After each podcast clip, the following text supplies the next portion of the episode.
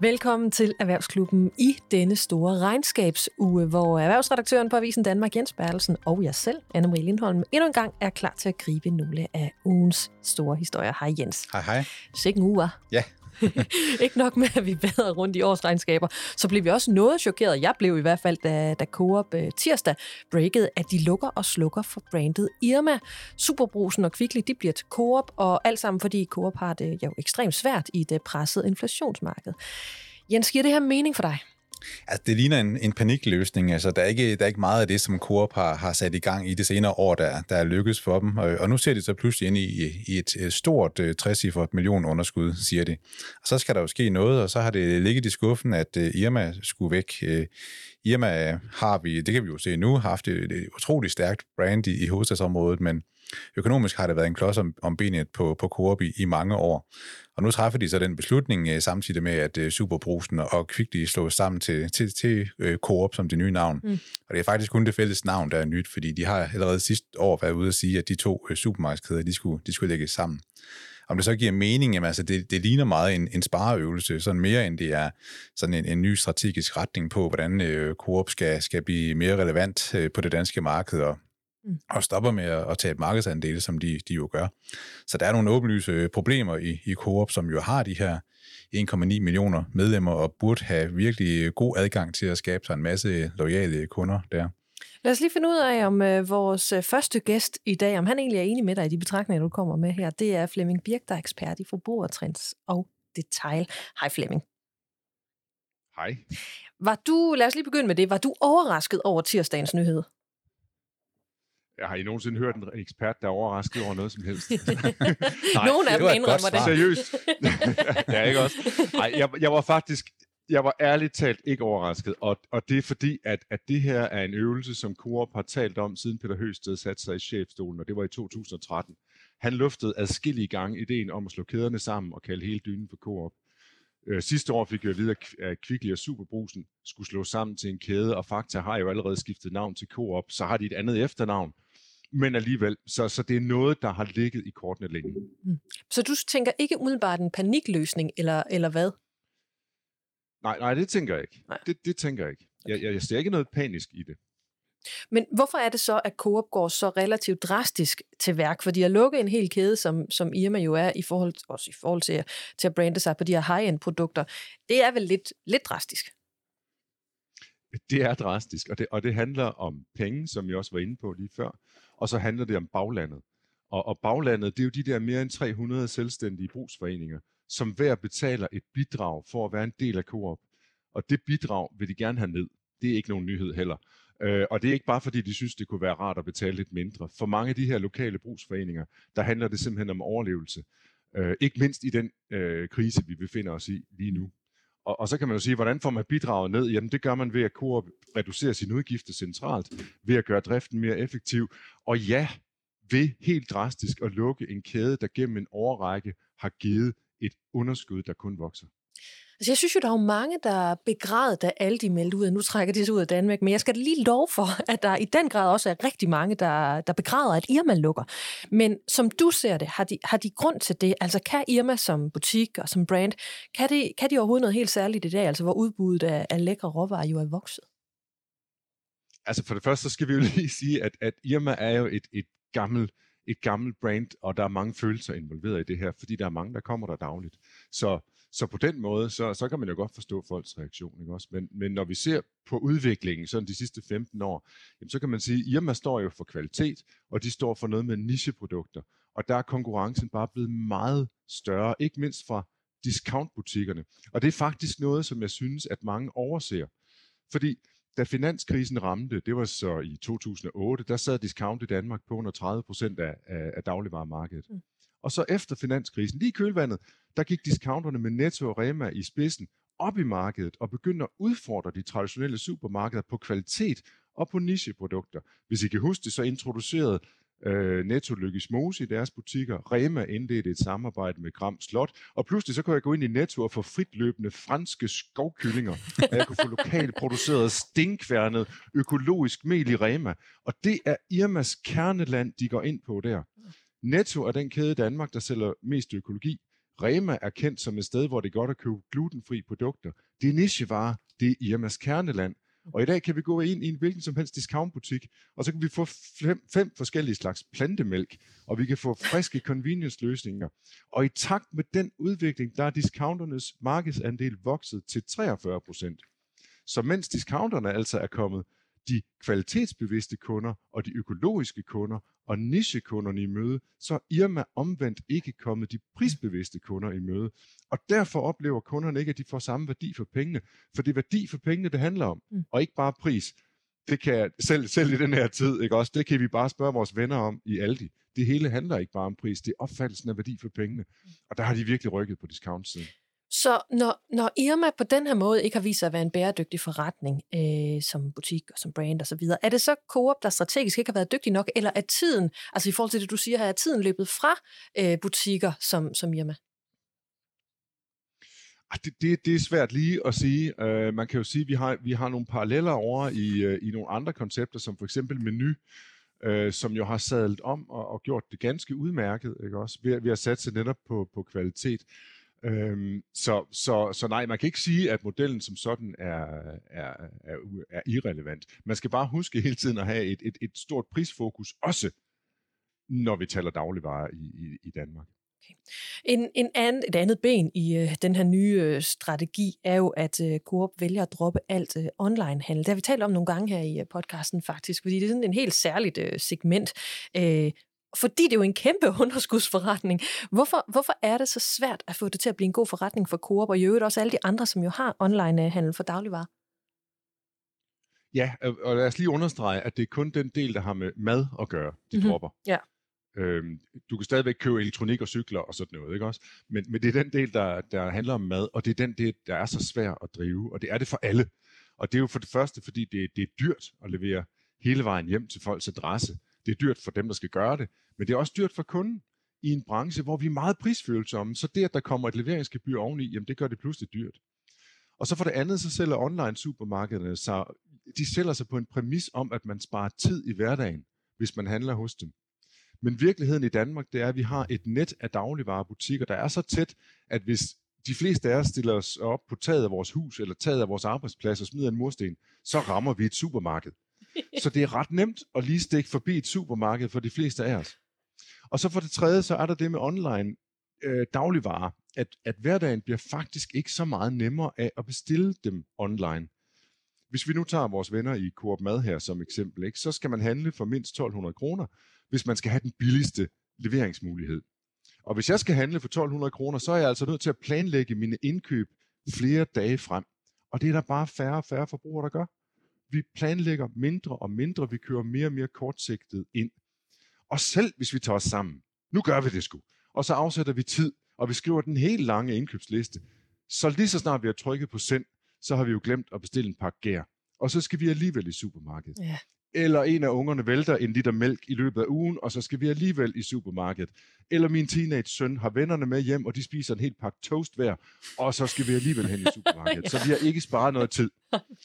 Så online handel, online handel med dagligvarer, det giver mening for kunderne hvis de kan simulere sådan en almindelig lyntur hen til butikken hen på hjørnet. Altså, jeg står lige og mangler et glas tomatsovs og et halvt kilo oksekød. Kom lige med det. Mm-hmm. Men den model, det giver så ingen økonomisk mening for online supermarkedet, for det giver kun mening, hvis vi bestiller i store mængder af gang.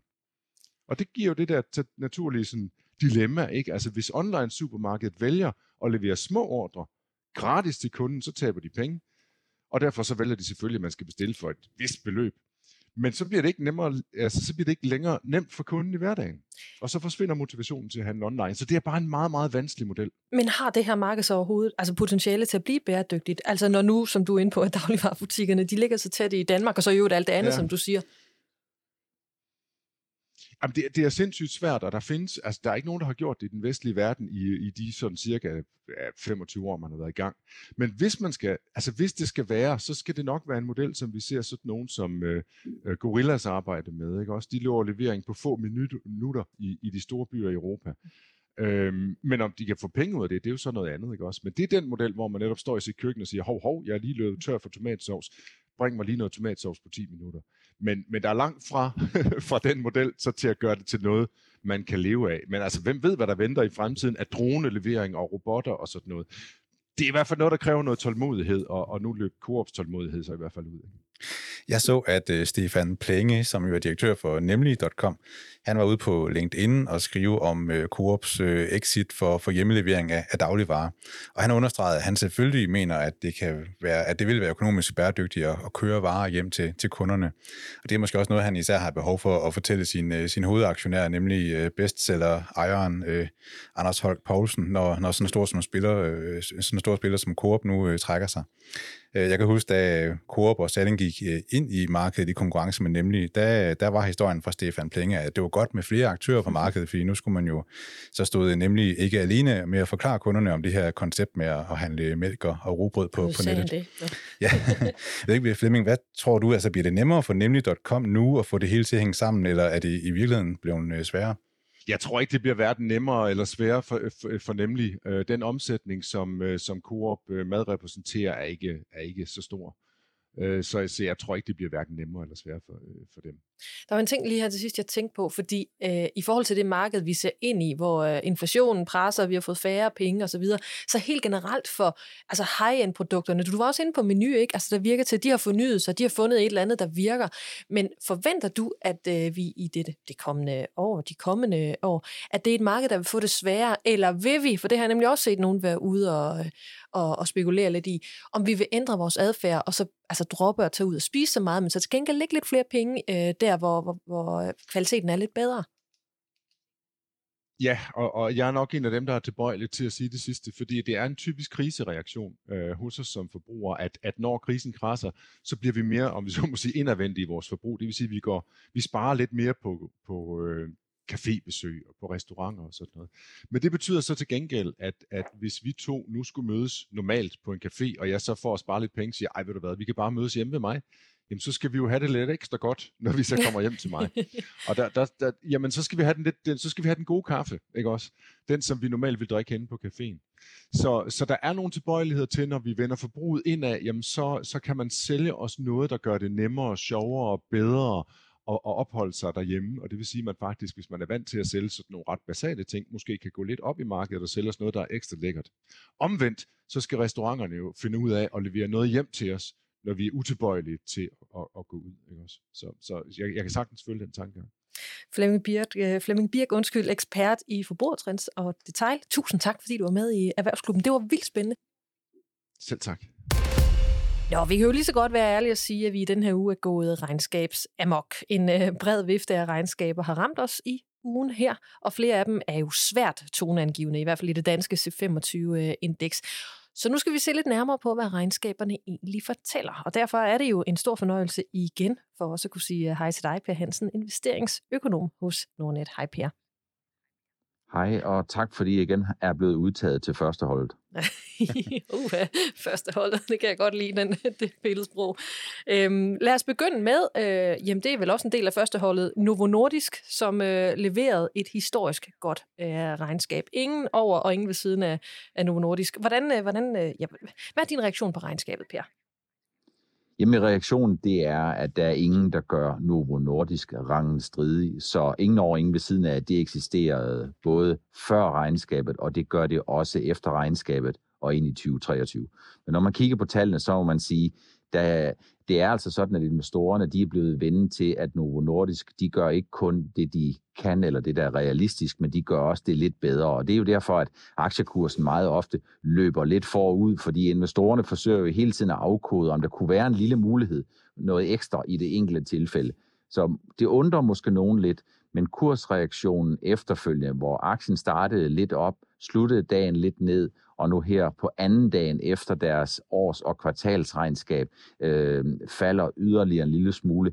Det er på ingen måde en påmindelse om, at Novo Nordisk de gør det dårligt. De gør det fuldstændig fantastisk. Men en gang imellem, jamen så er kursudvikling bare stukket lidt af fra den gode økonomiske underliggende udvikling. Ja, det er det, vi faktisk har talt en del om, ikke? Altså i forhold til nu, den her prisfastsættelse på deres aktie.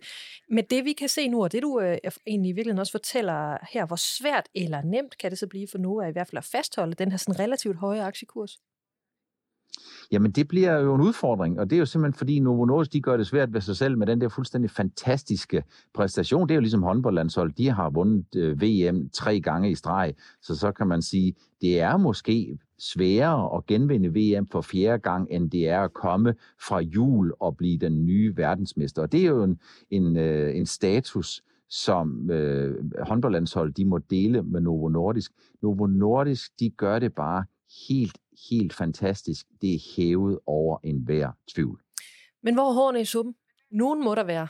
Ligesom der sikkert også er det for, Jamen, for herrelandsholdet i, i håndbold, selvom de ja, vandt hvis man, hvis man, ki, hvis man kigger under overfladen, jamen, så kan man jo altid finde øh, et hår, der er øh, i suppen, og man kan sige, noget af det, som investorerne nok kigger en lille smule efter, jamen det er jo øh, den guidance, der kommer for 20 23. Ikke for så vidt angår omsætningen i lokal valuta, hvor Novo Nordisk jo guider 13-19 procent i lokal valuta. Men når man så skal til at omregne til, til danske kroner, jamen så ser vi jo konsekvenserne af og effekten af, at dollaren de seneste 3-4 måneder er faldet med 15 procent i forhold til de høje niveauer, der var i 2022. Det betyder ikke noget for så vidt angår første og anden kvartal 2023, for der har Novo Nordisk i al væsentlighed dækket deres dollarindgang af.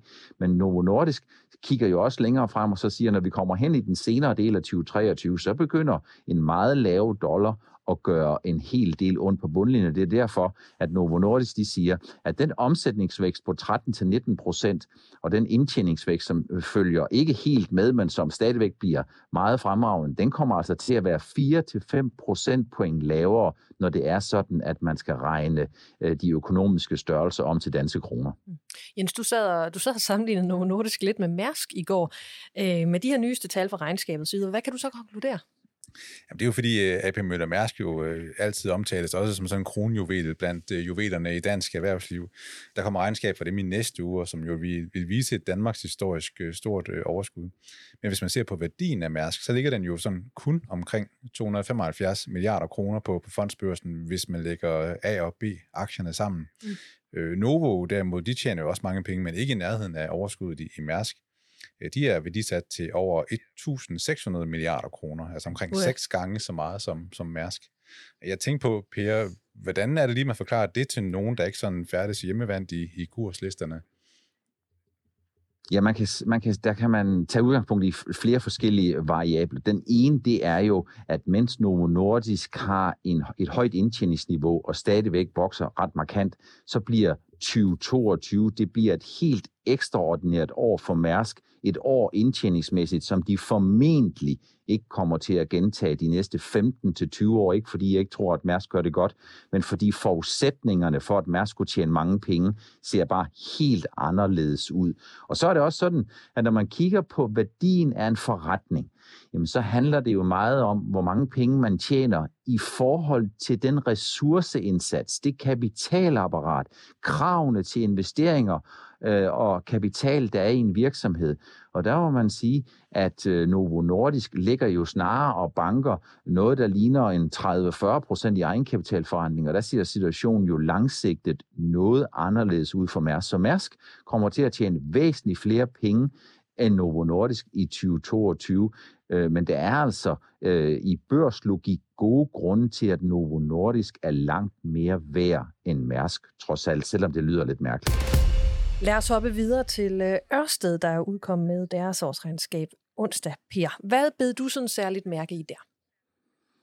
Ja, man kan sige, at Ørsteds regnskab var ikke særlig vitamin- eller overraskelsesfyldt, og årsagen til det, det var jo, at Ørsted allerede for et par uger siden løftede sløret for, hvordan årsregnskabet så ud, og hvordan deres udsigter for 2023, de så ud. Så man kan sige, hvis man kigger på Ørsted, så er der sådan en, en indtjening, og den måde, de opgør indtjening på, det er resultat for renter, skat og afskrivninger. Og goodwill, EBITDA, lå sådan i, på den rigtig gode side af øh, 233 milliarder kroner.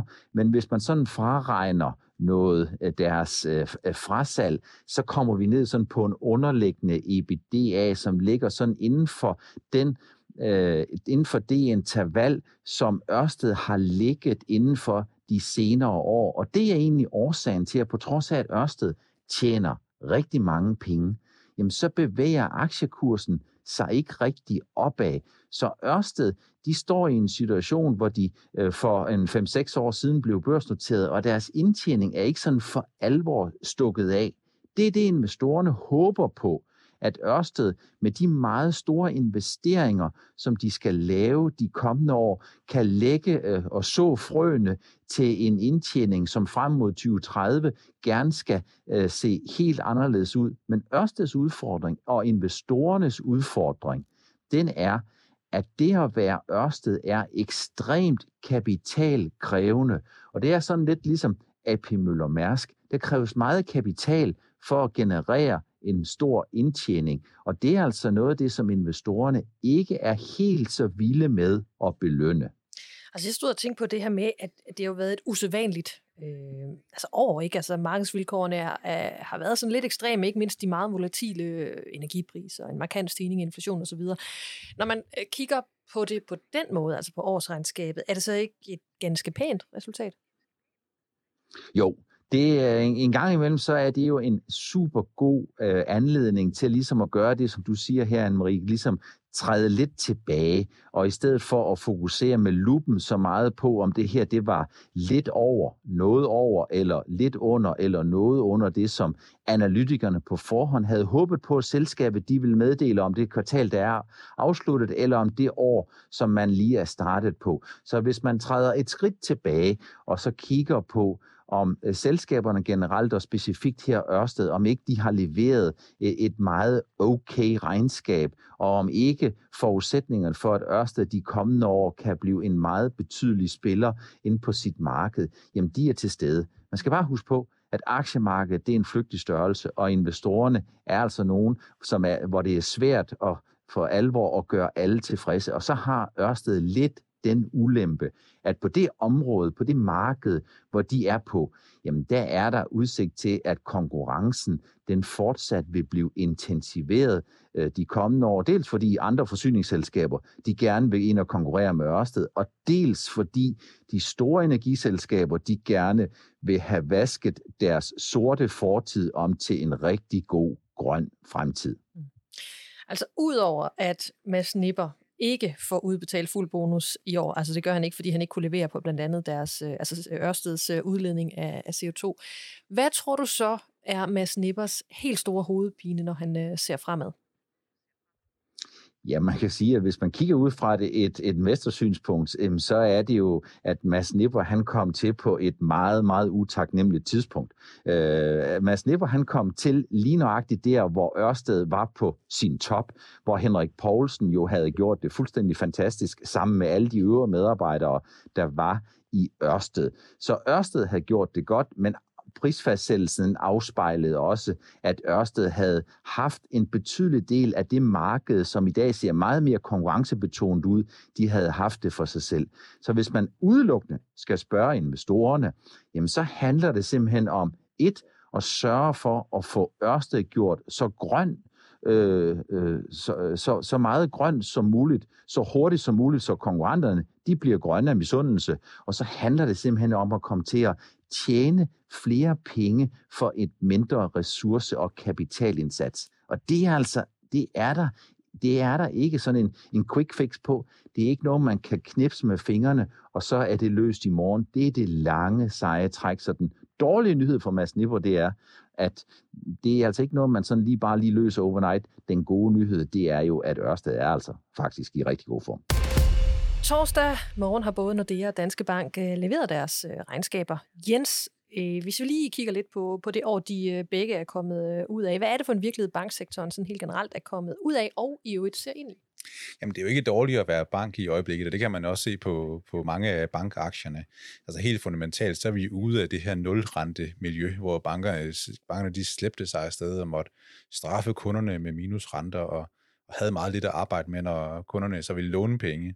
Nu er renten jo steget kraftigt, og så kan bankerne pludselig gøre, som de allerhelst vil, øh, betale en, en smule for at opbevare kundernes penge, og så kan de jo tjene en masse på at låne dem videre ud til dem, der skal bygge huse eller investere i, i virksomheder. Øh, så det benspænd, der så er, det er jo så, at vi samtidig har en form for økonomisk krise her i 2023.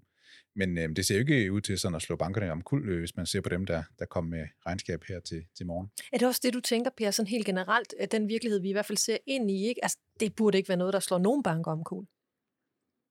Nej, man kan sige generelt set, så er det for bankaktier der, og bankinvestorerne, der er det nogenlunde as good as it gets. Så på den ene side, så får man den medvind, som man har manglet i rentemarginalen, som kommer, øh, når renterne de stiger for bankerne, den får man her og nu. Man har et fornuftigt forretningsomfang, selvom aktiviteten formentlig vil være lidt på vågeblus i 2023 i forbindelse med en økonomisk afmatning. Og så har bankerne, jamen de har jo fået lidt styr på deres omkostninger, og den danske økonomi ligger nok by and large lidt i udkanten af de europæiske udfordringer. Vi ligger sådan lidt i et nordisk smørhul. Vi har høj beskæftigelse, vi er fuld beskæftigelse. I Danmark har vi faktisk sådan endda strukturel overbeskæftigelse.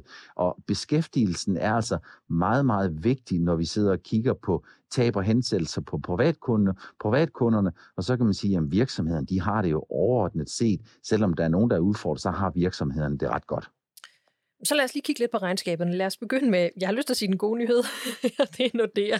Hvad er det, hvad er det gode, og, og, og hvis vi igen, hvis vi skal finde et hår i suppen hos øh, Nordea, hvad, hvad er det så?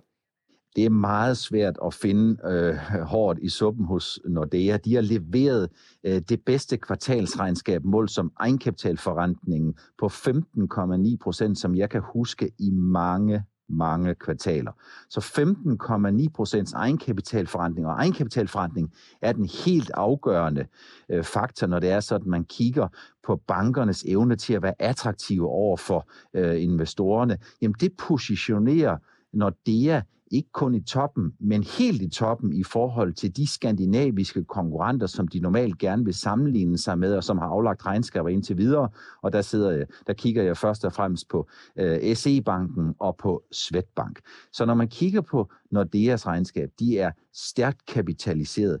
De har styr på udviklingen. De har fået ekstremt meget medvind på nettorenteindtægterne i Q4, øh, som overrasker meget positivt. Skulle jeg endelig finde et lille hår i suppen, så er det jo, at øh, vi også ser, at omkostningsposten, den udvikler sig lidt til den gode side. Men det er altså sådan lidt ligesom, hvis man har en god fest, og, og stemningen har været rigtig god, så, er det, øh, så skal man være lidt et skarn, hvis man diskuterer, øh, om man skal drikke en flaske champagne mere eller mindre i forhold til, at der blev serveret 25 flasker i forvejen. Okay, færre sammenligning.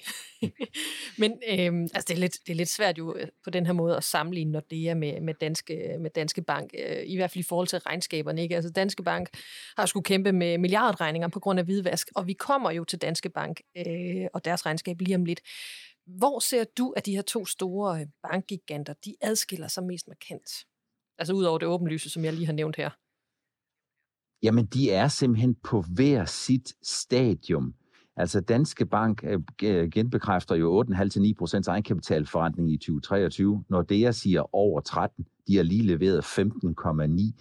Så Nordea er jo den rigtig store skandinaviske bank, som øh, bare har styr på sine ting, og som bare drøner af, hvorimod Danske Bank stadigvæk har en hel del at indhente. Og selv i det øjeblik, at de leverer på deres 2023-målsætning, selv der, når de selv synes, at de har leveret det, som de jo har stillet investorerne i udsigt igennem en længere periode, jamen så er det altså sådan, at de misundeligt må kigge til den profitabilitet, som andre store banker kan levere.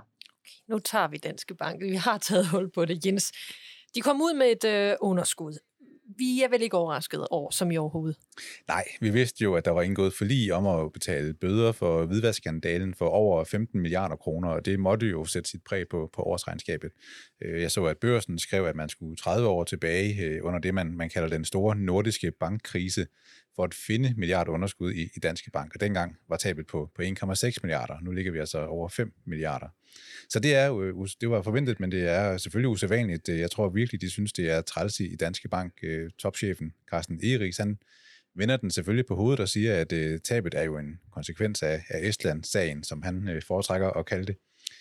Men han siger jo også, at det er jo så et vendepunkt for Danske Bank. Altså, med andre ord nu, er man, øh, nu kan man langt om længe komme videre efter al den her snak om, om hvidvask. Det er jo nok det, han håber på. Jamen, men kan de, altså kan de det, når vi renser tallene for udgifter til, til hvidvask, så, og det du, har du også lige været inde på, ikke også, Per, det her med, det ser vel stadigvæk ud, som om banken ikke har haft et særligt fantastisk øh, 2022. Hvad, hvad, hvad tænker du, Per, er, er det bare så nemt at lige til at lægge det her bag sig, altså med, med alt det, du, øh, du også har været inde på, kan de så bare gå videre og så formentlig levere noget, der bliver ret godt eller tilfredsstillende til næste år?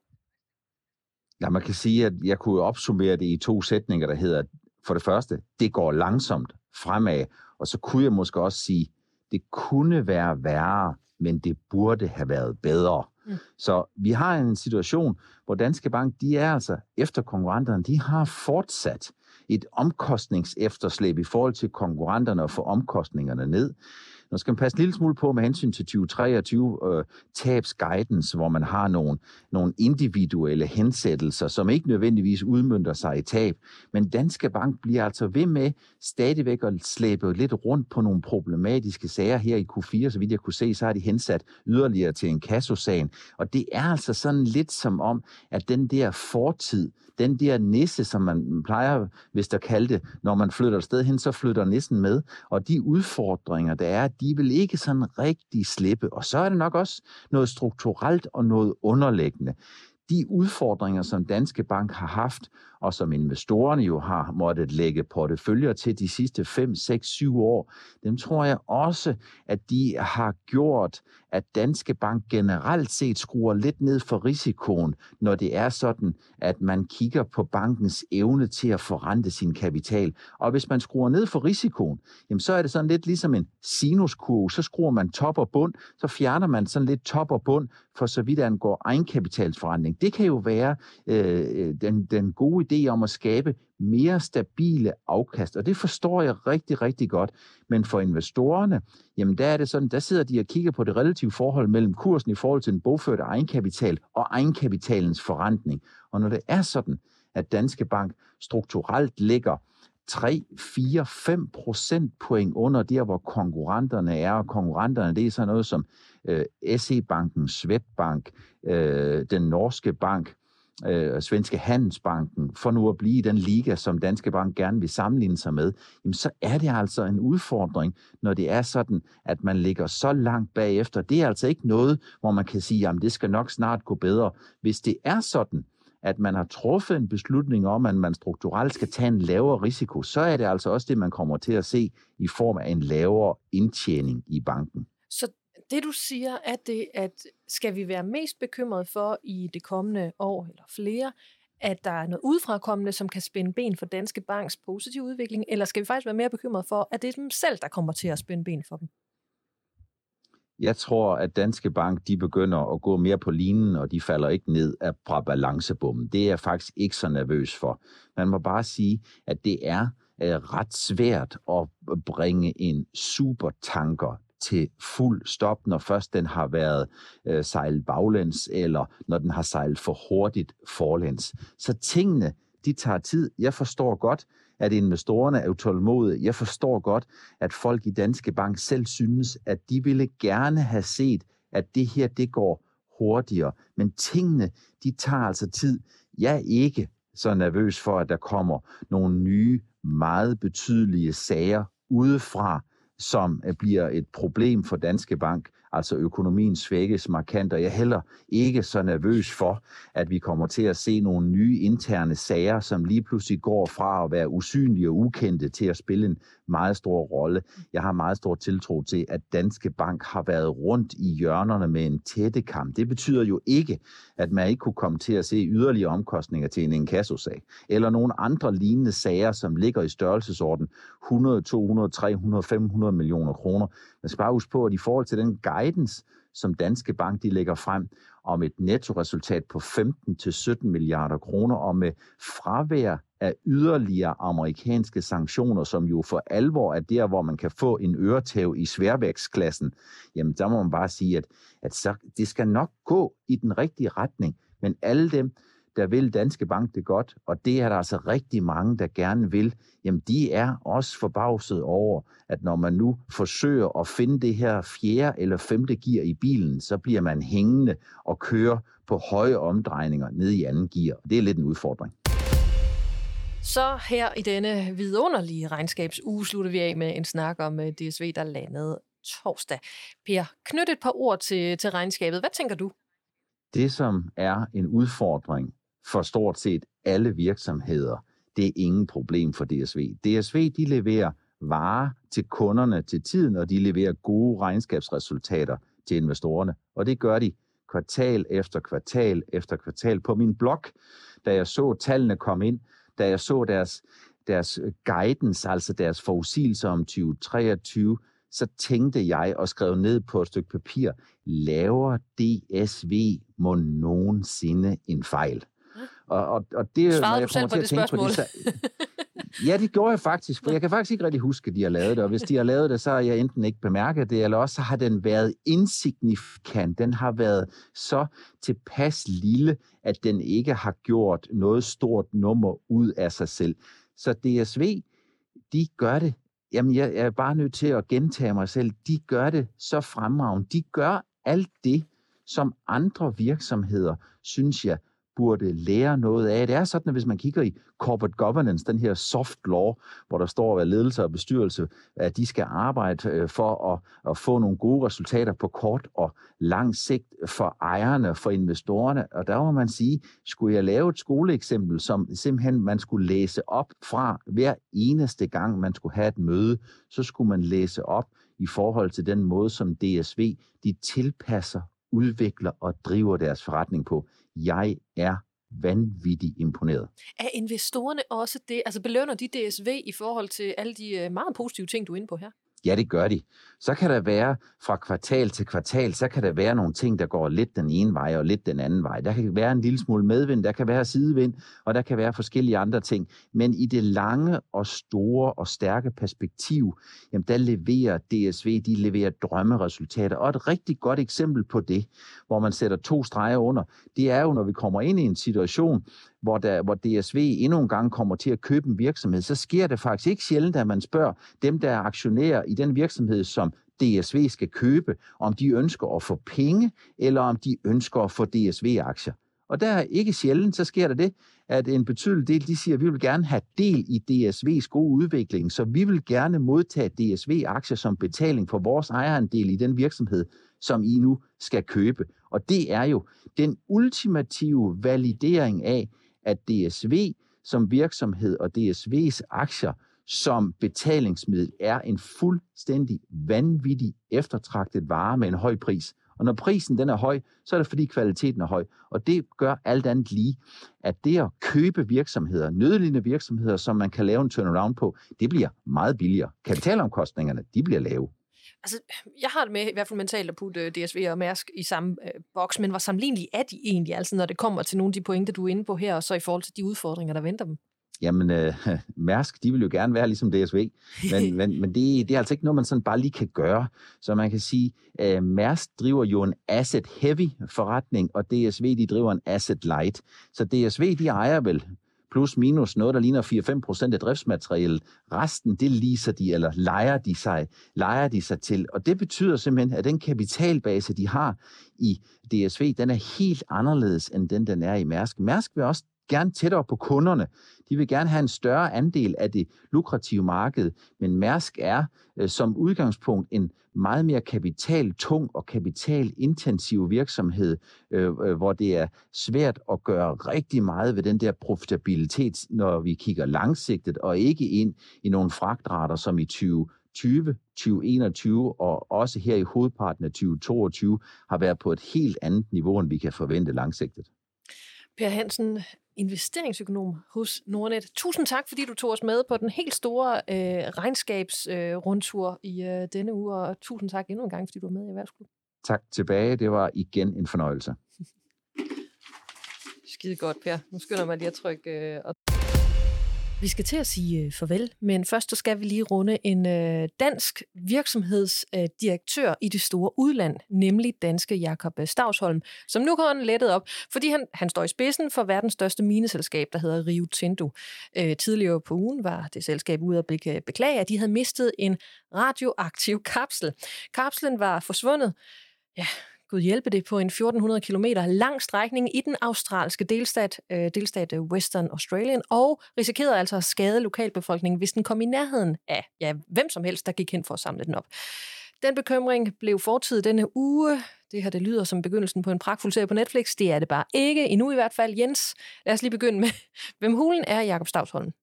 Ja, han får jo lidt berømmelse her på en lidt øh, pinlig baggrund, men altså, ja, han er topchef i uh, Rio Tinto, som jo er den her, uh, det her globale mineselskab, sådan en britisk-australsk konstruktion, hvor han har 49.000 ansatte under sig. Og han er jo øh, dermed jo sådan set en af de højst øh, placerede danske topchefer i udlandet. Og hans baggrund er sådan set øh, meget klassisk, tror jeg. Han er tidligere finansdirektør i, i AP Møller Mærsk, så fik han den samme rolle, bare i, i Rio Tinto, og så i 2021, så blev han chefen for det hele. Nå, og så er vi tilbage ved den her radioaktive kapsel. Hvis, hvis du skulle være helt øh, fortabt på historien her, så blev den fundet. Der var ikke nogen, der kom til skade. Øhm, hvor stor en erhvervsrockstjerne er han i øh, udlandet, hvis vi lige ser bort fra hele den her misære om den radioaktive kapsel? Jamen, han er, han er lidt, af, lidt af en profil, man holder øje med, fordi han står med et meget stort selskab i en meget gammeldags industri. Øh, der er meget at håndtere i forhold til klima og miljø og arbejdsforhold øh, osv. Og på hans øh, vagt har han haft en helt usædvanlig chikanesag om racisme og seksuel chikane og oh. udbredt mobning, så, som sådan er en del af en åbenbart helt frygtelig kultur i, i Rio Tinto. Og det har han sat sig for at rydde op i, og det er selvfølgelig også et krav fra investorerne, at øh, Rio Tinto skal opføre sig ordentligt, altså også selvom de arbejder jo i, i alverdens lande, hvor man, øh, hvor man åbenbart øh, øh, forbryder sig mod, mod god skik på, på mange måder. Mm det er sådan noget, han bliver målt på, og det skal der ryddes op i. Men er han også sådan solidt kørende efter det her kapseluheld? Så, altså, nogen skal vel stå til ansvar for at tabe en livsfarlig kapsel? Nu gik det jo godt. Øh, der var ikke noget barn, der puttede den her stærkt radioaktive kapsel i munden. Den blev også fundet i en ørken, gjorde den ikke Jo, det, det gjorde den nemlig. og Rio Tinto har været ude i den grad at sige undskyld og takket myndighederne i Australien for at være i stand til at opspore den her 6 mm store kapsel, som Ej, altså ja. forsvandt under transport tværs gennem øh, det her meget store land.